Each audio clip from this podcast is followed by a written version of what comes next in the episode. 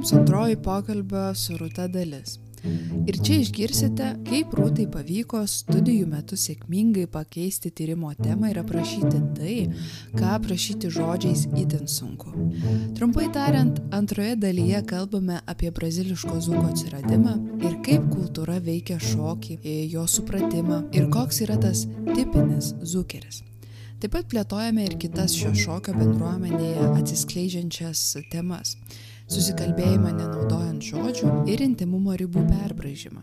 Tad kviečiu pasiklausyti.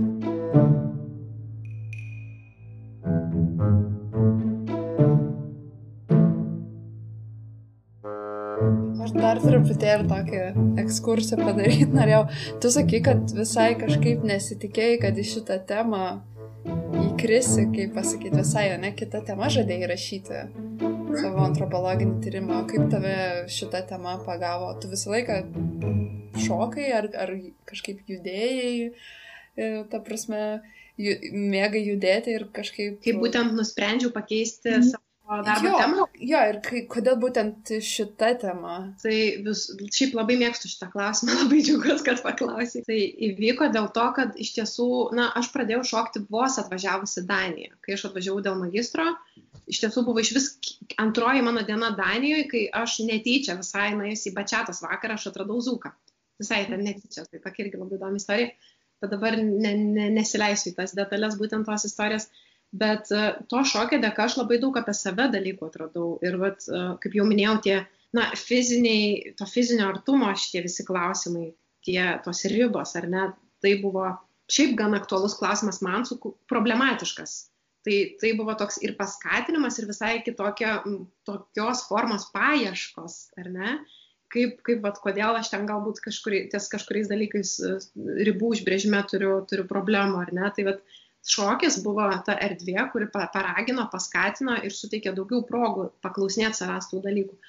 Ir maždaug ties ta vieta, kai aš nusprendžiau, kad vis dėlto aš nerašysiu tą anatemą, kurią aš buvau sugalvojęs, bet aš noriu rašyti apie, apie šokį, apie zūką, tai maždaug ties ta riba aš supratau, kad vienas iš elementų, kodėl zūkas man pačiai tai patinka ir, nu, kodėl jis toks keliantis priklausomybė iš tiesų, tai yra būtent fizinis prisilietimas. Aš savo pripažinau, kad aš noriu šokti dzūką ir aš noriu eiti vakarėlius e, ir susitikti su tai žmonėm ir eiti į pamokas kelis kartus per savaitę todėl, kad taip aš kompensuoju savo poreikį būtent fizinio prisilietimo. Aš niekada apie tai nemaščiau prieš tai ir nežinau, gal bijojau savo pripažinti, gal neturėjau progų, kur tokioje akistatoje atsidurti su tuo faktu, bet tuo momentu aš pripažinau, kad tai yra tiesa ir kad tai yra viena iš priežasčių, kodėl man tai patinka zūkas ir kodėl man jo reikia. Ir aš tada galvoju, aha, aš turbūt nesu vienintelė, kuriai taip yra ir kuri taip jaučiasi ir kuri galbūt irgi negebėjo to įvardinti ir pripažinti savo. Ir tada uh, aš iš, išvykau į, į, į festivalį Ukrainoje, tą, kur tau minėjau, kur su keliais vyrais ukrainiečiais nuostabiai šokom ir turėjom fantastiškus šokius, kur atrodė ir aš jaučiausi, ir aš išoriškai turbūt atrodžiau, kad aš ten žiauriai moku šokti, nors aš ten dar tokia visai pradedančioji, bet tiesiog, va taip, tiek tas žmogus, su kuriuo šoku, ištraukė tą gerąją mano šokių pusę, tiek, tiek, nu, va toks, ta puikia chemija šokio, ar ne? Mm. Tai tas mane labai įkvėpė ir aš galvoju, va kaip įmanoma taip susišokti su nepažįstamu žmogum, su kuriuo aš net nekalbėjau su kuriuo mes tik po tų kelių šokių pakalbėjome, o, ko tu vardu, iš kokios tu šalies, ačiū už šokį. Ir po to, aš jau, bet tos kelionės metu aš jau pradėjau mintyse galvoti, kad hmm, gal man vis dėlto reikia rašyti apie šokį, nes jis tiesiog šitą temą nu mane jinai stimuliuoja, jinai mane uždega, man tas yra įdomu man tai yra asmeniškai labai įdomu, ar ne? Ir aš tada buvau, uh, išsikviečiau Uberį važiuoti į oro uostą, man reikėjo važiuoti į oro uostą. Ir uh, va čia šita istorija, jinai atrodo kaip ir nesusijus tiesiogiai, bet tu suprasi tuo ryšius ir kuo jinai mane įkvėpė. Aš įlipau į Uberį ir aš šiaip taksi, kadangi yra maža erdvė, tu sėdi su nepažįstamu žmogum, aš labai dažnai mėgstu, nu, pradėti kokį tokį small talk, kad mhm. nebūtų jauku. Ir aš atsisėdau priekį, aš dažniausiai galą sėdžiu, bet kažkaip aš atsisėdau priekį šalia vairuotojo ir aš atsisukau jį ir sakau, tai kaip ar daug šiandien darbo. E, neatsimenu, rusiškai ar angliškai paklausiau. Ir jisai pažiūrėjo mane ir jis man rodo, kad aš kurčias. O mums iki oro uosto, uh, neatsimenu, ar 20 ar 30 minučių kelio. Ir aš taip ir susierzinau, ir nusiminiau, ir nustebau, nes kai tu sėdi į Uberį, tu tikrai nesitikė, uh, kurčio vairuotoją. Ir man toks, nu, labai toks miksas jausmų ir aš jau pasigilėjau, kad aš sėdžiu priekį šalia to žmogaus, kad jeigu galėsiu sėdėčiau, tai kažkaip galėčiau išsilaškyti ir tiek daug dar kelią liko iki to oro uosto ir kaip čia dabar toj tyloje išsėdėti šitiek laiko. Ir man tada toptelėjau. Aš prisiminiau faktą, kad aš pati savo šeimoje turiu kurčių žmonių. Ir aš moku šiek tiek lietuvių gestų kalbos. Aš galiu susikalbėti lietuvių gestų kalbą. Ir aš galvoju, gerai, aš moku lietuvių gestų kalbą, šalia manęs sėdi kurčias ukrainietis bet aš buvau mačiusi vieną filmą, kuris yra pastatytas būtent ukra apie ukrainiečių kurčiųjų mokyklą, tokia internatinė mokykla. Ir aš atkreipiau dėmesį, kad ukrainiečių gestų kalboje, kurią aš mačiau tam filme, yra visai nemažai panašių gestų. Ir ką aš padariau, aš palaukiau, kol mes privažiu, sustosim prie raudono šviesoforo signalo ir aš atsisukau į tą vairuotoją ir aš sakau jam lietuvių gestų kalba, sakau, mano tėvai kurti, nes tai yra faktas, mano tėvai yra kurti. Jisai pasižiūrėjo į mane ir jis mane suprato. Ir mes pradėjom pokalbį. Aš sužinojau apie jo šeimą, aš sužinojau apie jo draugus, aš sužinojau apie jo darbą, kiek laiko jisai dirba tą darbą. Ir šiek tiek apie keliones, išsiaiškinau, kad jis bijo skristi, kad jis neskrenda į užsienį dėl to, kad jis bijo lėktuvo, bijo, ar bijo lėktuvo ar bijo aukščio.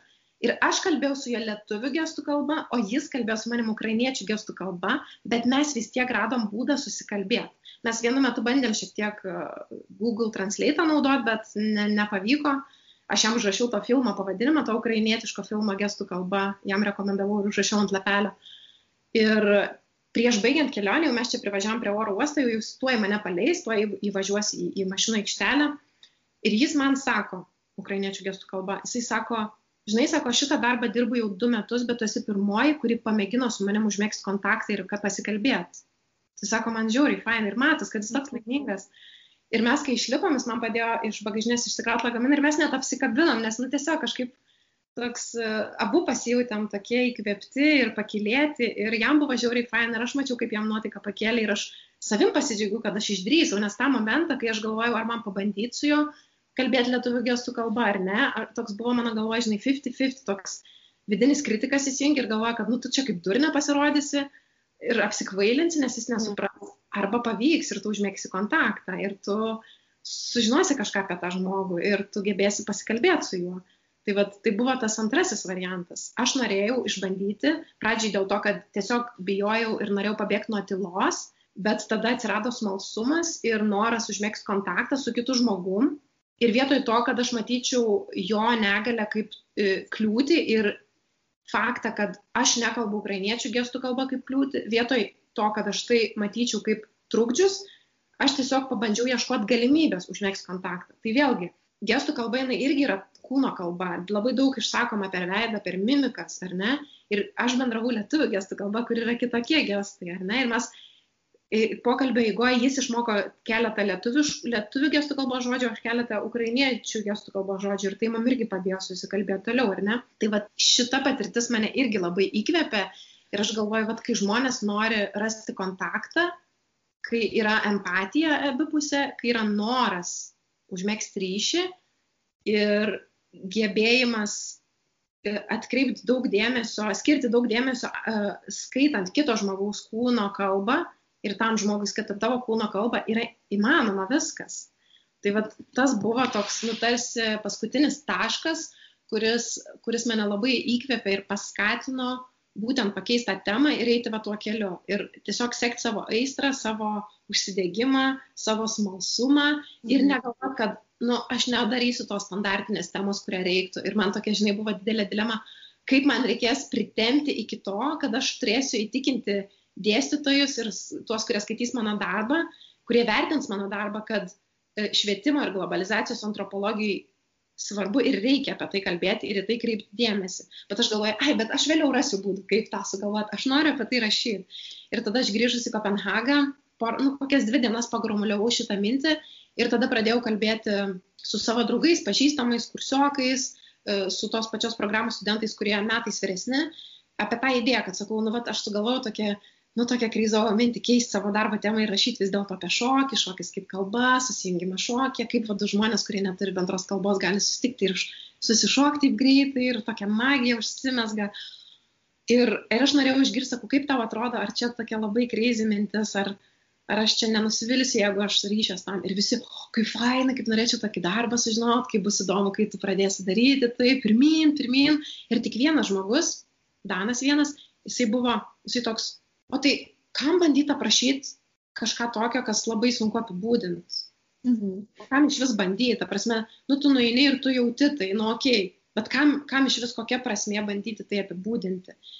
Ir man tai buvo tarsi toks benzino užpilimas į tą ugnį toks tarsi, va, aš iš principo bandysiu parašyti, nes aš žinau, kad tai sunku ir tu dabar man savo nuomonę dar pasaky, kad tai sunku ir atsit kokia prasmė tą daryti, nes, nu, tu tai jauti, bet kaip tą apibūdinti žodžiais, tai labai sudėtinga. Ir va, tas mane dar labiau paskatino. Ir tada aš prašiau savo dėstytojų, tam darbo vadovui, kad sakau, e, norėjau jūs informuoti, kad aš pakeičiau savo darbo temą, tai aš rašysiu dabar apie tai ir tai. Ir viskas ok. Ir jis ne, neprieštaravo ir sako, nu gerai. Dar tas dalykas įdomu, kad kaip mes čia kalbėjome apie tas emocijas, tai kad iš tikrųjų, vat, kaip ir sakai, tie festivaliai vyksta tose ten Lenkijoje, ar ne, Ukrainoje, arba Čekijoje, galbūt dėl, dėl ir pigumo ir panašiai, bet gal ir čia mano, nežinau, prielaida, kad galbūt ten žmonės apskritai ir nori įsitraukti į šitą bendruomenę tokio šokio, nes ten galbūt trūksta to, vat, ką ir pati tu sakei tau pačiai kaip, kaip, kaip žmogui šiek tiek to tokio artumo kažkokio, ko nėra turbūt ar artimam rate ar kultūroje, kur, kur mes ne, neįprasta mums tokio gauti intimumo, ne, ne intimumo, bet tiesiog tą tokį artumą kitokį. Tai turbūt irgi gal žmonės ten labiau nežinau, ne, neįpratę reikšti ir, ir būti artimiau, tai galbūt irgi dėl to įgalina tas šokis tam tikrą prasme išreikšti, ką galbūt mes kiekvienas turim, bet ne, ne, kaip ir negalime. O aš dar norėjau paklausti dėl pasiruošimo galbūt šokiui. Dėl tiek, nežinau, tiek aprangos, tiek e, kažkokio kūno sudėjimo, ar, nežinau, man tiesiog teko nedalyvauti, bet matyti pristatymę, kai būna, tarkim, mugėse, žinai, ten uh, viešai kviečia tiesiog naujus, naujus šokėjus prisijungti. Ir teko matyti Bačiatą, man atrodo, ir, ir, ir Kizomba, jeigu teisingai turiu jo. tai teko matyti, teko matyti ir tiesiog labai um, nežinau, merginos būna labai pasipuošusios um, su ten su aukštakulniais, su tam tikrom, nežinau, su trumpom suknelėm, su makijažu. Tai ar yra kažkokie standartai tam šokėje, kad ar tiesiog tai labiau priklauso nuo intencijos, su kuria, kodėl tai eini, nes, kaip sakiau, daugelis galbūt eina kažkas susirasti porą, galbūt eina kiti tiesiog šiaip kaip į kokį klubą pašokti ar kažką tai, ar, ar yra kažkokie, kaip, kaip būna sportinėse šokiuose, žinai, standartiniai kažkoks vat, klasikinis ten ar tango, tai vienokia apranga, tai ar čia yra kažkokie apranga arba, arba žinai, kūno sudėjimas, kad irgi dažniausiai šoka, nežinau, kokios aukštos arba žemos merginos, arba, nu, čia toksai trijų aukštų klausimas, bet... aš pagalvoju, kad daugias sluoksnis labai klausimas, bet, šiaip labai geras klausimas ir tai irgi viena iš tų temų, kurias aš buvau pradėjus aprašinėti, bet paskui dėja dėl, dėl, dėl vietos tokos teko atsikratyti ir susisiaurinti tą fokusą. Jo, būtent kaip atrodo tas tipinis zukeris ar ne, ar kokie tie standartai aprangos. Tai tu labai gerai pastebėjai, kad, tarkim, pramoginėse šokis arba tango yra, ar salsa yra tikrai toks griežtesnis tas aprangos kodas, kuris, nu, tokias nerašytos taisyklės Mhm. Nerašytos taisyklės, gal čia būtų toks tinkamesnis žodis.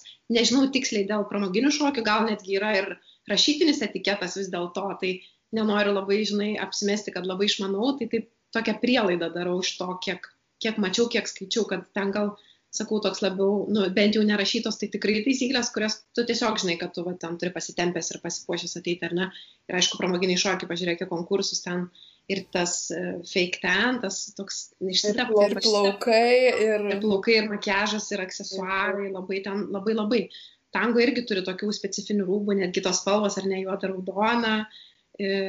E, tokios irgi specifikos yra salsa, irgi visada aukšta kulniai, na, turbūt salsos vakarėliuose nesu mačiusi, nu gal keletą, kad šoktų žemakulniais ten, ar kedukais, ar tokiais tais vadinamais džiazo bateliais, tokiais plokščiais. O zūkė iš tikrųjų ir priklauso nuo vietos, netgi sakyčiau, nuo miesto, nuo renginio tipo. bet jeigu taip generalizuojant tose aplinkose, kur man teko dalyvauti, yra Kopenhaga, e, Ukraina, Niderlandai, Lietuvoje grįžus į Lietuvą irgi dar spėjau vasarą ir rudens pradžiai porą tų socialinių vakarėlių padalyvauti. Tai zukeriai rengėsi paprasčiau, jie taip nesureikšmina to išorinio tokio, žinai, grožio išsipūstimo ir, ir, ir dar dėl ko, dėl to, kad zūkė tu turi būti apsirengęs patogiai, nes tikrai yra tokių judesių, kur jeigu tu ten apsirengtum kokią bliz, palaidinę, pažiūrėjau, su blizgučiais, tokiais daimančiukais, kurie turi tas iš akutės mhm. prilaikomas metaliukais, tai jos sudraskytų ir tavo partnerio, ir tavo drabužius, ir plaukai ten įsiveltų, nesakau, tokių dinamiškų judesių ten yra ir tų sukinių daug, ir banguojančių judesių, kad tiesiog labai nepraktiška būtų tokiais, nu, labai ekstravagantiškais rūbais apsirengti. Bet tai netrukdo kitiem, pavyzdžiui, kai važiavau į tuos renginius Ukrainoje, Lenkijoje, Niderlanduose, pamatyti vakarėliuose vis dėlto labai išsipuošusių, na, tiek vaikinų, tiek merginų, kurie eina kaip naktinį klubą ir makiažas, ir, ir plaukai, ir drabužiai, ir aukštakulniai bateliai.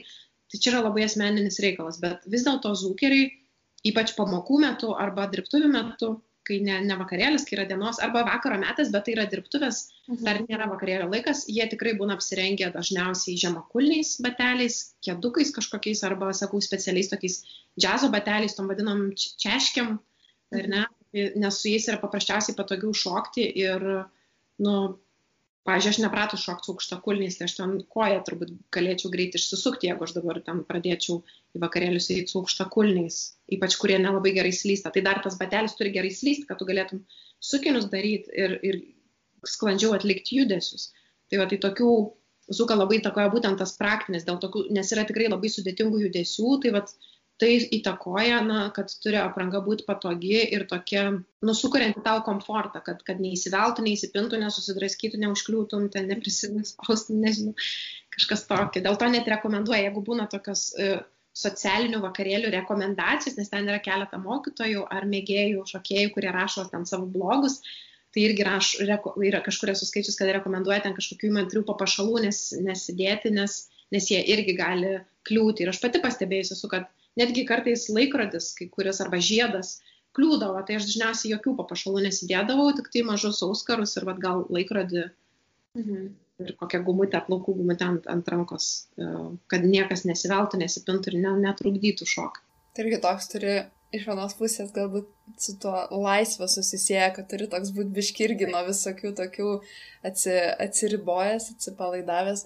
Ir aš irgi kadangi čia dabar ta vėl laisvė man atėjo į galvą, irgi pagalvojau, kad galbūt e, nu, prieš tai tu apibrėžiai, kad tai svarb, svarbus, svarbus komponentas šitam šokyje, bet galbūt dar ir tai, kad ta technika galbūt nėra tiek svarbi, kiek tas toksai atsidavimas ar ne tam pačiam šokiui, ne tai, kaip tu ten tiksliai padarysi, kaip ir tu minėjai, kad nesvarbu yra netiek svarbu yra ten, ai, ne, tai padarysiu ar suklysiu, tai va tame turbūt irgi dar tos laisvės. Plačiau žvelgiant, tai kaip, kaip sakiau, jeigu aš nuvažiuoju, pavyzdžiui, į, į vakarėlį Ukrainą, pavyzdžiui, jeigu įmam Kopenhagą ir Daniją, apskritai merginos ten daug mažiau dažosi, e, rengiasi praktiškiau, nes daug kas važiuoja mina dviračių ir irgi minant dviračių, jeigu tu ten su aukštakulniais, e, blizgančiais kokiais džinsais ar baltais džinsais, nu, tai kas ten liks iš tų tavo džinsų ir tų tavo aukštakulnių.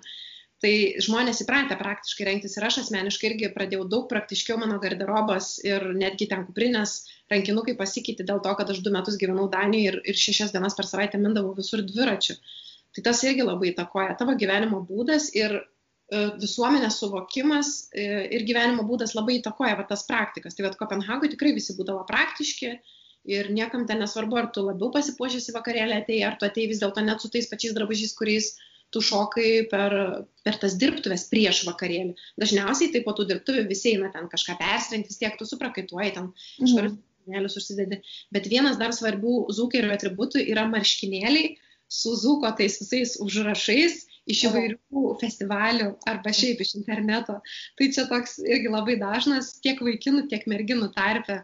Ir ypač ir vakarėliuose pamatysi, bet, bet ir pamokose bei workshopuose šituose dirbtuvėse, kad daug kas tikrai ten turi tų marškinėlių ir aš pati dar jų keletą vis dar turiu ir mėgstu juos dėvėti. O jeigu vat, nuvažiuoji į kokią Ukrainą, ne, kur mes irgi rytų europietės, na taip stereotipiškai esam pagarsėjusios, kad, kad esam pasitempusios ir sako, net į parduotuvę atsitaidam pasidažiusios. Nu, čia labai generalizuotai, bet tikrai dauguma mm. užsieniečių taip vertina uh, rytų europietės, ar ne? Nes labai svarbus tas elementas, kaip tu atrodai, kaip tu išoriškai save patikė, ar ne? E, tai tikrai, kai tu nueini į vakarėlį Lenkijoje, tu tikrai matai labai daug merginų, kurios ten ateis pilnai pasidažiusios, susitvarkiusios plaukus ir apsirengusios, kaip tu minėjai, irgi kaip į klubą ir mažiau praktiškai. Nes mhm. va, ten gal į tą vakarėlį atėjo daugiau tų merginų, kurios va, yra iš Ukrainos ar iš Lenkijos, kurios ir į vakarėlį, ir į draugų mažą susibūrimą, ir į Zuko vakarėlį būtinai turės įti dažysius, nes jos šiaip kiekvieną dieną dažosi ten dieniniu makiažo, va vakare nu jos negali išeiti nepasidažiusi vakarinių makiažų, tarkim. Tai labai labai daug elementų. Taip pat kaip brazilų tie mokytojai, tie, kurie e, būdavo turuose po Europą ir po kitas šalis, bet tie brazilai mokytojai, brazilinio zūko, jie irgi vakarėlius ateina pasitempę, merginos pasidažiusios, vyrai labai taip fainai apsirengę, visada marškinėliai, tokie elegantiški batai, ten irgi kokie dailesni džinsai ar kostiuminės kelnes tokios nes irgi pas juos va tokia kultūra, ten, žinai, plaukai gražiai sutvarkyti su želė, pasvirus ir panašiai.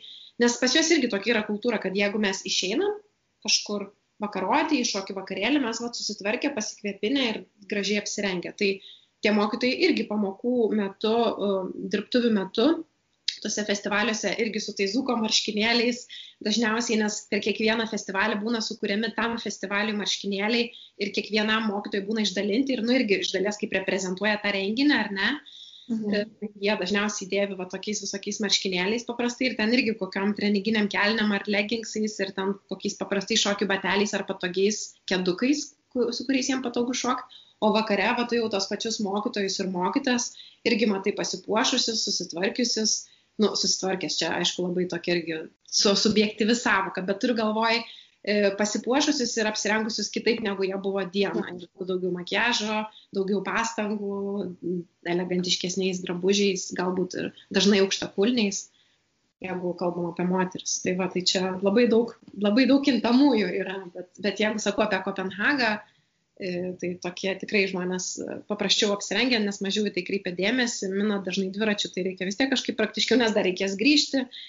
Tai, tai, va. tai žodžiu, tie tokie kultūrinė elgsena tokia kažkiek per, persiduoda ir vat, e, į, šokio tos, nežinau, principus ar kažkokius, ne patį šokį, bet vat, tos elementus, kaip ir kalbėjom, tą kažkokį ir, ar artumą, arba net ir kažkokią aprangą. O aš dar galvojau, nes mačiau, kad tarkim panašų tą šokį į Zuką Bačiatą, panašus kažkiek, kažkok, kažkokiais elementais, kad jį dažnai um, Lietuvoje siūloma šokti ir vienam žmogui.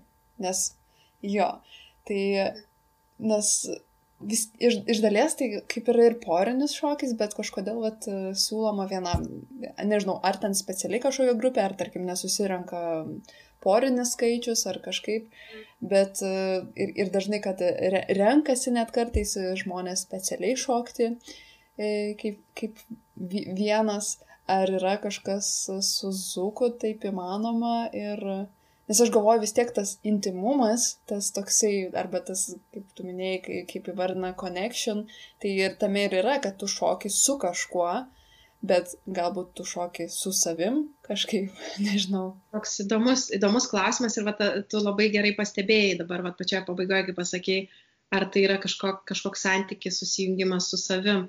Tai jeigu vėl prisimenant tuos e, mano informantus, mokytojus, kai jie apibūdino susijungimą, jie visada akcentuoja, kad vienas, viena iš susijungimo rušių yra susijungimas su savim, connection with yourself.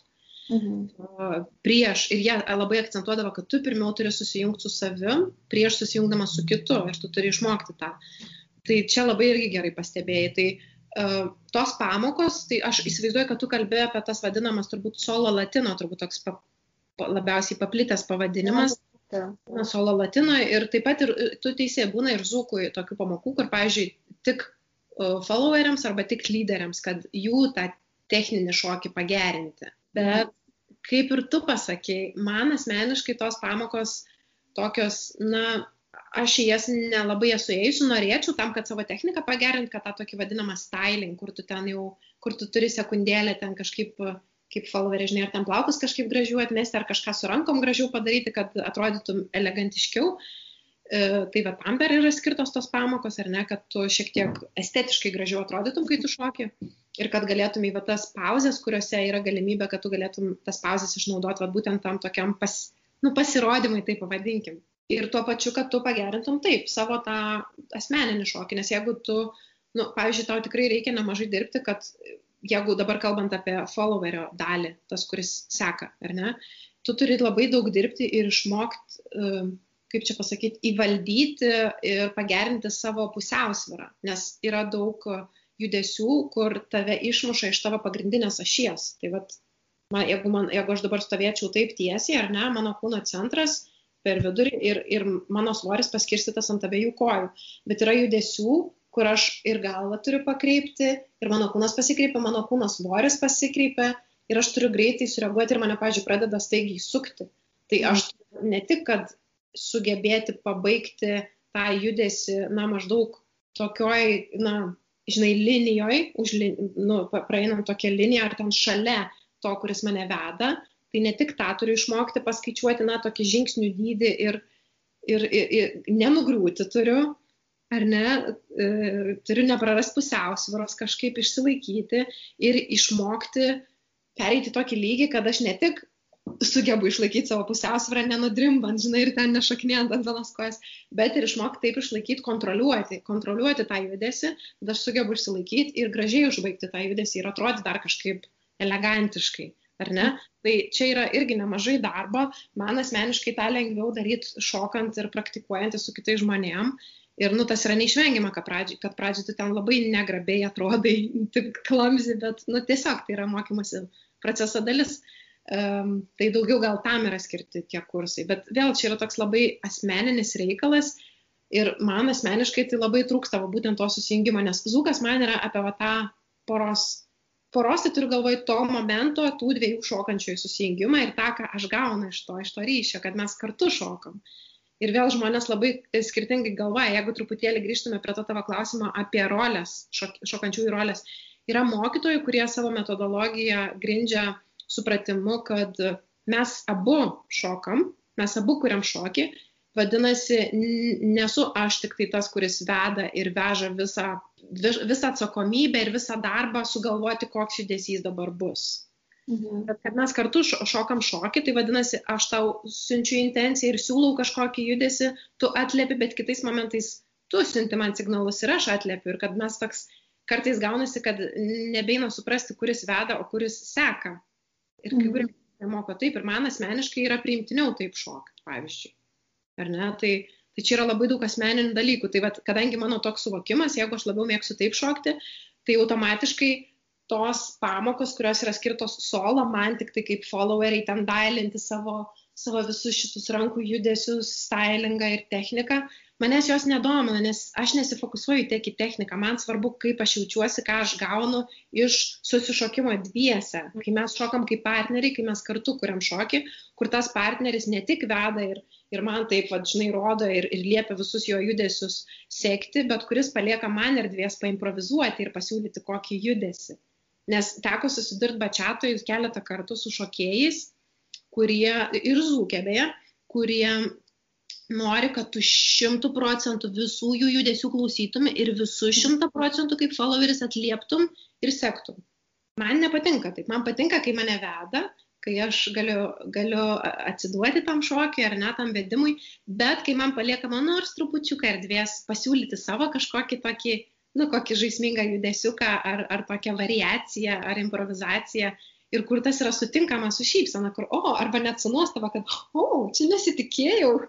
Tai, va, tai čia labai tokių irgi daug, nu, toks labai daug, asmeninis toks irgi, sakyčiau, reikalas. Kas, ka, kas kame mato prasme, yra naudinga, bet ypač jeigu tu matai tame prasme pasimokyti vienai. Ir aš kažkaip galvojau per karantiną, o bus proga va padirbti ties savo techninę dalim, ties tais judesiais, kur kur man sunku išlaikyti pusiausvyrą, bet aš tiesiog neturiu motivacijos, neturiu noro praktikuotis, nes man reikia to kito žmogaus, man reikia prisilietimo, man reikia juoko, man reikia, kad mes juoktumėmės, kai vienas iš mūsų padaro klaidą, nes man, va čia yra esmė šito šokio. Yra, yra kažkokia kaip, e, nežinau, profesionalumo, kaip gali tapti profesionalu, ar tiesiog per, per praktiką, ar yra kažkokie... Tai pirmiausia, aišku, per praktiką, kaip ir bet kurį įgūdį, ar ne, jeigu tu šiandien sugalvotum tapti skulptorė, tai tu vis tiek pradžioj bent kažką turėtum pamėginti lipdyti. Bet jeigu tu norėtum tapti ten profesionale lipdytoje, skulptorė, tu vis tiek turėtum kažkokį praeiti tokį bazinį kursą mokymus, kad sužinotum daugiau, iš kokia ten to molio būna, kaip žiesti, kaip lipdyti, kokie yra įrankiai, kuriuos tu gali naudoti, kokios yra skirtingos technikos, ar ne, ir, ir panašiai. Tai šokė irgi panašiai pradeda, aišku, visada kaip pradedantysis, kaip mėgėjas kažkoks. Um, arba kiti ateina, pavyzdžiui, kiti šokių mokytojai yra tiesiog profesionalai, atėję iš kitų šokių. Pavyzdžiui, nuo mažens ten kiti nuo 6 metų, nuo 4 metų, nuo 12 metų ten lankė kokį baletą, pramoginius šokius, kitus braziliškus šokius. Yra netgi brazilų pramoginiai šokiai. Brazilai turi savo pramoginių šokių, ten tokį medelį, neatsimenu, kiek ten 4-5 šokiai. Tai yra ne tokie patys, kai kurie sutampa su tais tradiciniais pramoginiais šokiais, ballroom dance, ne, kuriuos mes vadinam, bet brazilai turi savo. Tai va dauguma bent jau tų, šoki, tų mokytojų, kurie atvyksta iš Brazilijos, jie dažnai bent, bent kelis iš tų kitų šokių žino, ar ne, tai jų jau apskritai jų backgroundas yra kaip profesionalų šokėjai, kurie užaugo ar ne, šokdami ir paskui lankydami specializuotas mokyklas. Bet tarkim, jeigu aš dabar sugalvočiau tapti mokytoja, ar ne, tai aš kažkiek pra praktikos turiu, įgūdžių turiu, nes pati lankiau pamokas, workshopus, e, tos festivalius, kurias lankydavau, tai yra didžiulė, puikia proga aukti, nes tu tuose vakarėliuose per vieną vakarą pašokį, nu nežinau, su per vieną vakarą ten, tarkim, su 30 skirtingų žmonių, nu gal gali ir su 60 pašokti. Kiekvienas žmogus skirtingas savo, savo formą, ūgiu, ta sa, gale, jėga, kurią jie turi, kurią jie veda tave, supratimu, ar mes kartu kuriam šokį, ar kaip tau sakiau, va, tu turi viską šimtų procentų siekti. Tai labai tokių, va, irgi įdomių daug dalykų. Bet, bet jo, grįžtant prie to, ko tu klausiai, tai yra specializuoti mokytojams skirti kursai kuriuos e, sukūrė tie brazil, brazilinio zūko šokėjai, kurie jau daug metų šokė ir ten daug tų visokių konkursų e, ir organizavę, ir vedė, ir festivalių daug organizavę, ir dalyvavę, ir mokė kitus įvairiose šalise, daug keliavę. Tai jie irgi turi savo metodologijas, tokias metodikas, kurie jie išvedė, iškramtė ir su, suformavo. Ir vat, šiuo metu žinau e, dvi dvi skirtingas, tikrai, gal yra ir daugiau, bet tas, kurias aš žinau, yra dvi konkrečios e, mokytojų, brazilinio zuko mokytojų ruošimo e, tokio, tokie mokymai dviejų skirtingų šo, šokių, moky, tokių mokyklų, sakykime. Nes aš galvoju, žinai, kaip tik tai Brazilijoje tu gali išmokti, bet uh, turbūt ne tame esmė yra. Ne, ne tame esmė. Ir kaip tau minėjau, jau šokis yra kaip gyvas organizmas, jis nuolat keičiasi. Taip kaip gyvūnų rūšis, taip kaip uh, bet kokie fenomenai kaip konceptai, kaip žodžiai, žodžių reikšmė, kaip jinai kinta su laiku. Mm. Ar ne taip, kaip aš šitam mano darbe kviečiu žmonės į dialogą diskutuoti ir išplėsti intimumo arba artumo savoką, ar ne, nes jinai labai susiaurinta, tokia labai seksualizuota ir, ir yra įsprausta į rėmą, kad intimumas arba artumas, mes kai apie jį kalbam, tai jis egzistuoja tik poros santykiuose arba, nu, dar šeimos kontekste. Apskritai ten, nežinau, tarp, tarp tėvų ir vaikų. Ne, intimumas yra daug daugiau ir aš savo darbę teigiu ir, ir ginčias, kad intimumo galima išmokti ir grupiai, saugiai, grupėje praktikuojantis kažkokį neformaliojo ūkdymo veiklą, šiaip šiuo atveju lankant šokių pamokas, šokių vakarėlius. Mhm. Tai braziliškas ūkas, dabar grįžtant tiesiogiai prie to, to paskutinio klausimo, tai jis labai įdomi, jisai kilo Brazilijoje, bet jis po to pradėjo skilti į skirtingus tokius stilius, ar ne? Ir tos skirtingos atšakos, jos ne tik Brazilijoje susikūrė. Pavyzdžiui, viena, viena yra tokia atšaka M zūk vadinasi ir ta M pridėta dėl to, kad iš Maljorkos, Maljorkoje, e, Brazilas e, mokytojas išvažiavo ten, nežinau, prieš 30 metų, nuo dabar 30 e, metų atgal, išvažiavo į Maljorką ir vat, jis pradėjo šokti ir, ir tenai pradėjo mokinti to šokio, bet uh, kai jisai susitiko vėl su brazilais ten po kiek metų ir nuvažiavo į Braziliją, visi sako, tu čia kažką kito šoki, čia nebėra tas, tas zūkas. Ir jisai to ne, ne, nesuprato. Taip pat ir kitų uh, zūko atšakų, kitų stilių mokytojams panašiai nutiko, kurio, iš kurių aš ėmiau interviu, kur irgi sako, aš tai galvoju, kad aš šoku zūką, bet žmonės man pradėjo iš pašalės sakyti, kad tu čia kažką kitą šoki, čia nebe zūkas, kas čia yra, ką tu čia šoki, pamokink ir mus. Tai va, tai taip ir keičiasi su įtakom kitų muzikos stilių. Uh, būtent to tokio įdedant asmeninio prieskonio, ne, tu įdedi savo asmeninį stilių. Kiekvienas iš tų mokytojų, jie turėjo savo kažkokį background, ar ne, tai va tas mokytas, apie kurį aš minėjau iš, iš Maljorkos, tarkim, jisai, man atrodo, buvo kapoeiros mokytojas. Ir, man atrodo, jis domėsi contem contemporary dance, to šiuolaikinių šokių. Tai automatiškai jis to įdėjo į tą savo zūką, uh, ir išsivystė, gavosi nauja zuko forma, gavosi M-zuk. Ir dabar iš Maljorkos kilo pirmoji ne Brazilijoje išsivyščiusi brazilinio zuko tokia atmaina.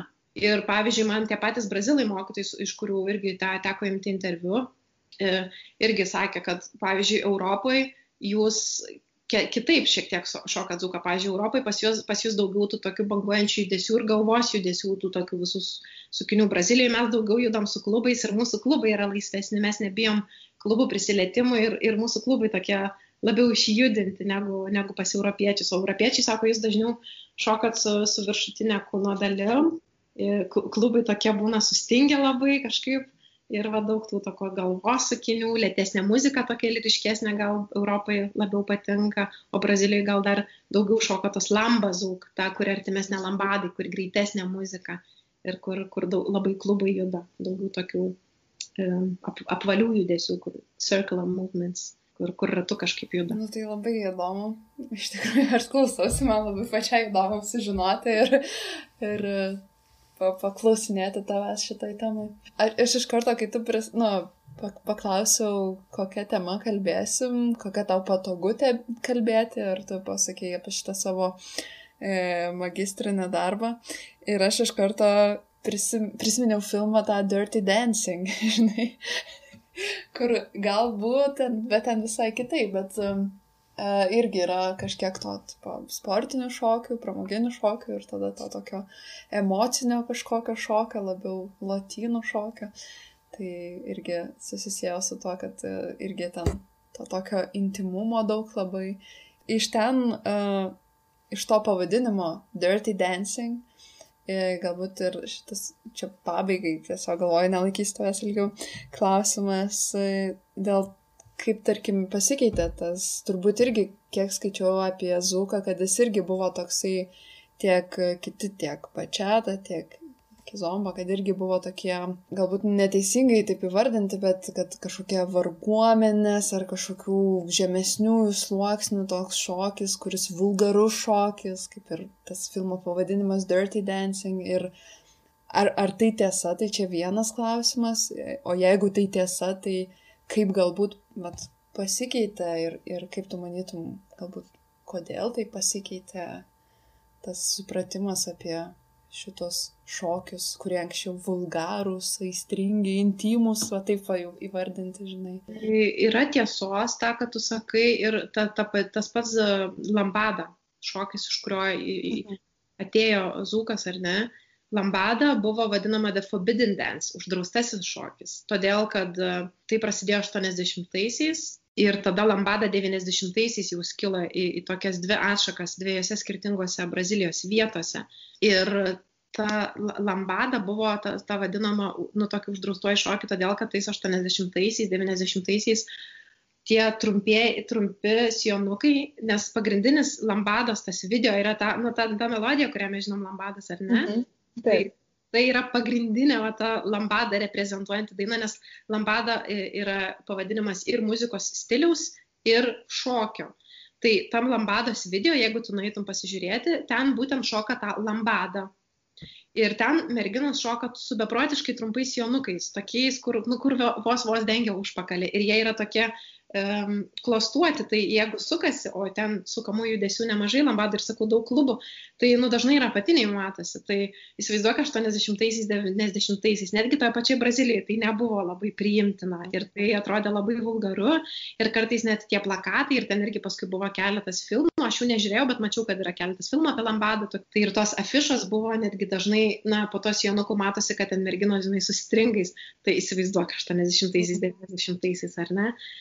Tai nu, buvo kažkas tokio nepriimtino, nepadaraus, nes per daug, na, išlipa gal iš tų standartinių normų ir per daug apnuogina, per daug parodo to kūno, ar ne, ir dar juda taip arti ir taip kviečiančiai ir gundančiai, ar ne, kad, kad kitiem gali atrodyti. Tai, tai nuo to, bet pats Zukas, kaip tau minėjau, kai jis jau pradėjo skilti į tas dvi atšakas, dviejose skirtingose miestuose, tai Rio de Janeiro iš kurio jau kilo tas dabartinis tradicinis toks zukas, taip, taip ir vadinasi tas e, Brazilian zuk arba sinonimai e, Zuk Love, kaip pateko į Europą, jisai vadinamas arba tas tradicinis zukas.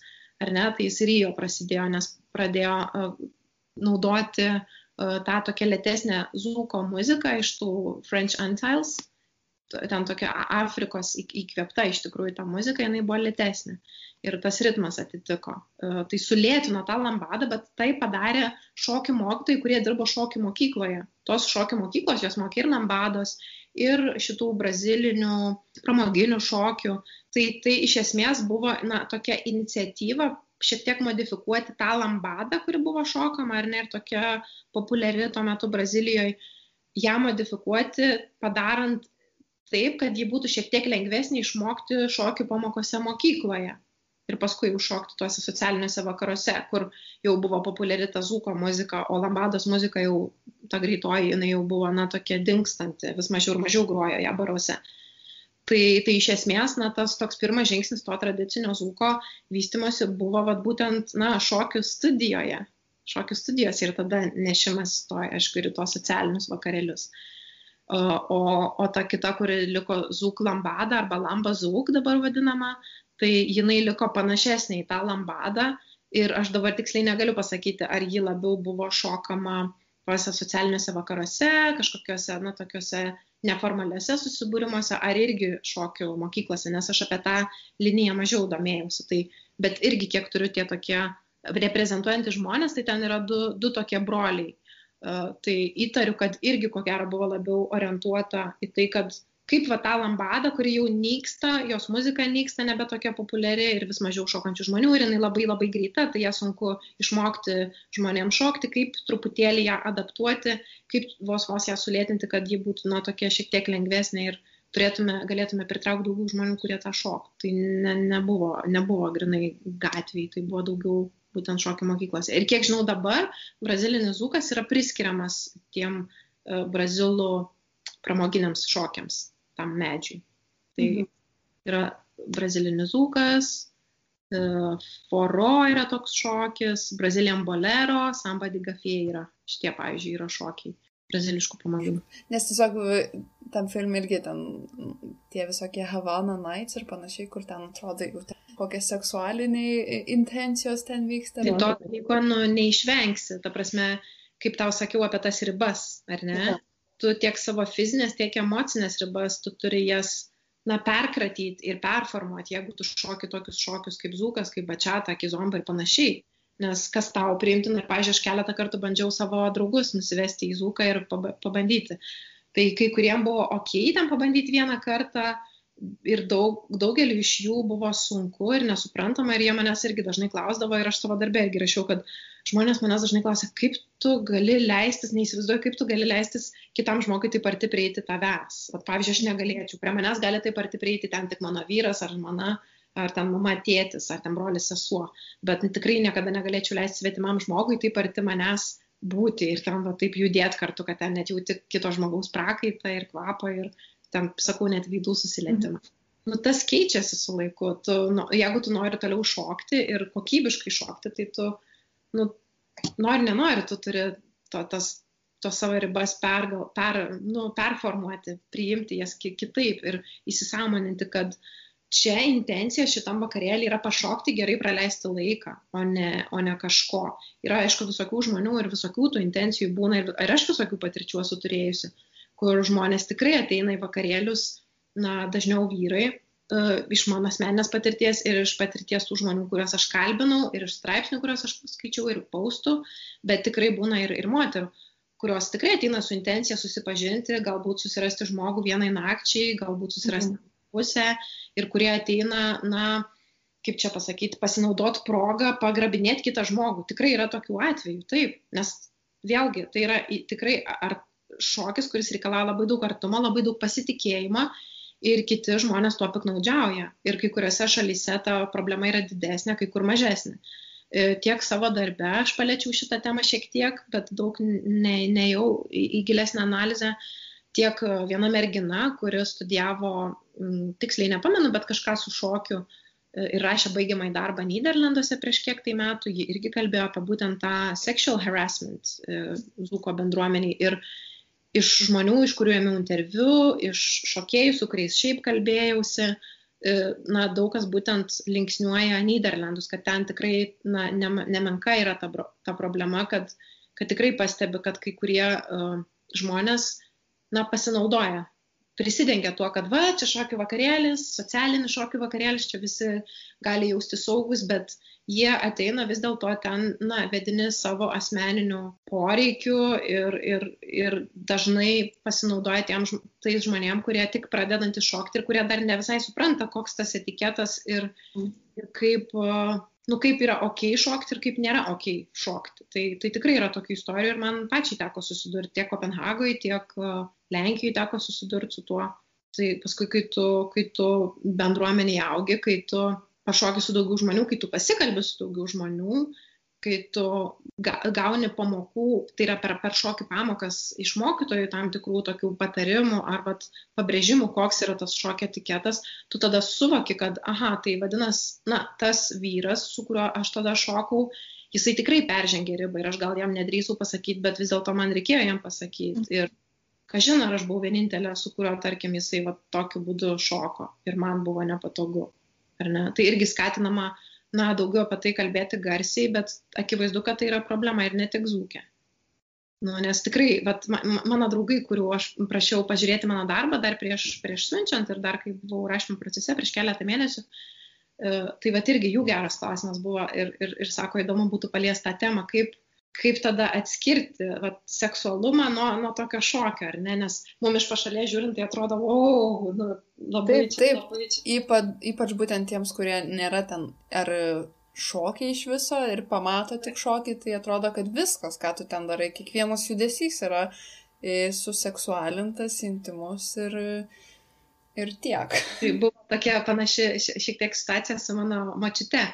Aš jai vis nusiūsdavau uh, tos savo šokių video, kai įrašydavau su ko nors šo, šokdama, e, nusiųsdavau jai ir kartais jinai sureaguodavo, kartais ne. Ir aš jai nusinčiau tą vieną tokį paskutiniųjų video tuo laiku ir jinai nieko net reagavo, visiškai nieko neprašė.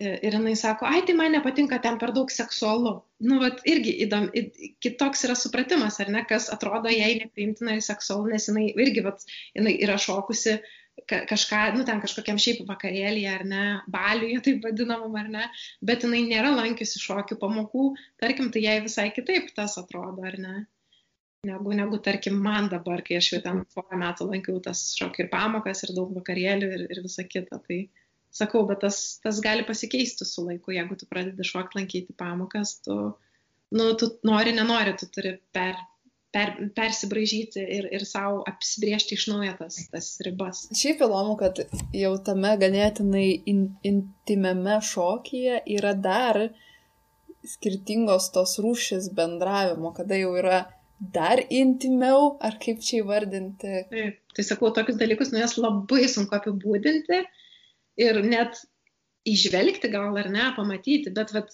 tai buvo viena, viena, viena iš priežasčių, kodėl mane tas užkabino, nes toks nu, iššūkis, nu, vat, kaip apibūdinti, kaip sudėti iš, į, į žodžius, kaip sudėti į video, kad aš susėčiau tą video su, su tekstu ir galėčiau tą parodyti tokiu, žinai, platesniu kampu, ne 180, bet 270 laipsnių, nes visų 360 aš tikrai negalėsiu parodyti, kol tu pats nesi to pabandęs. ir visą. Tai mano irgi toks buvo idėja praplėsti. Nu, ne tik, aišku, viena iš priežasčių buvo ir kompensuoti tai, kad mano anglų akademinė kalba tikrai nėra mano stiprusis arkliukas. E, tai galvoju, kaip aš galiu panaudoti, nu, kaip aš galiu maksimaliai padaryti kažką, kažkokį gerą produktą kurio man nebūtų ir gėda parodyti ir, ir kuriuo aš jaučiau atskleidusi, ką aš norėjau parodyti, papasakoti, perpasakoti iš to, ką aš sužinojau, iš, iš to lauko tyrimo, ar ne iš tų žmonių, kurie atsivėrė man, kurie pasakojosi man ir, ir, ir sutiko dalyvauti, ar ne. Tai vat, video buvo didžiulė, nu, video ir nuotraukos buvo stipri, stipri dalis to, kuri irgi tą parodė. Tai Laiko gal irgi tavęs netrukdysiu šeštadienis. E, tai buvo labai įdomu kalbėti ir nežinau.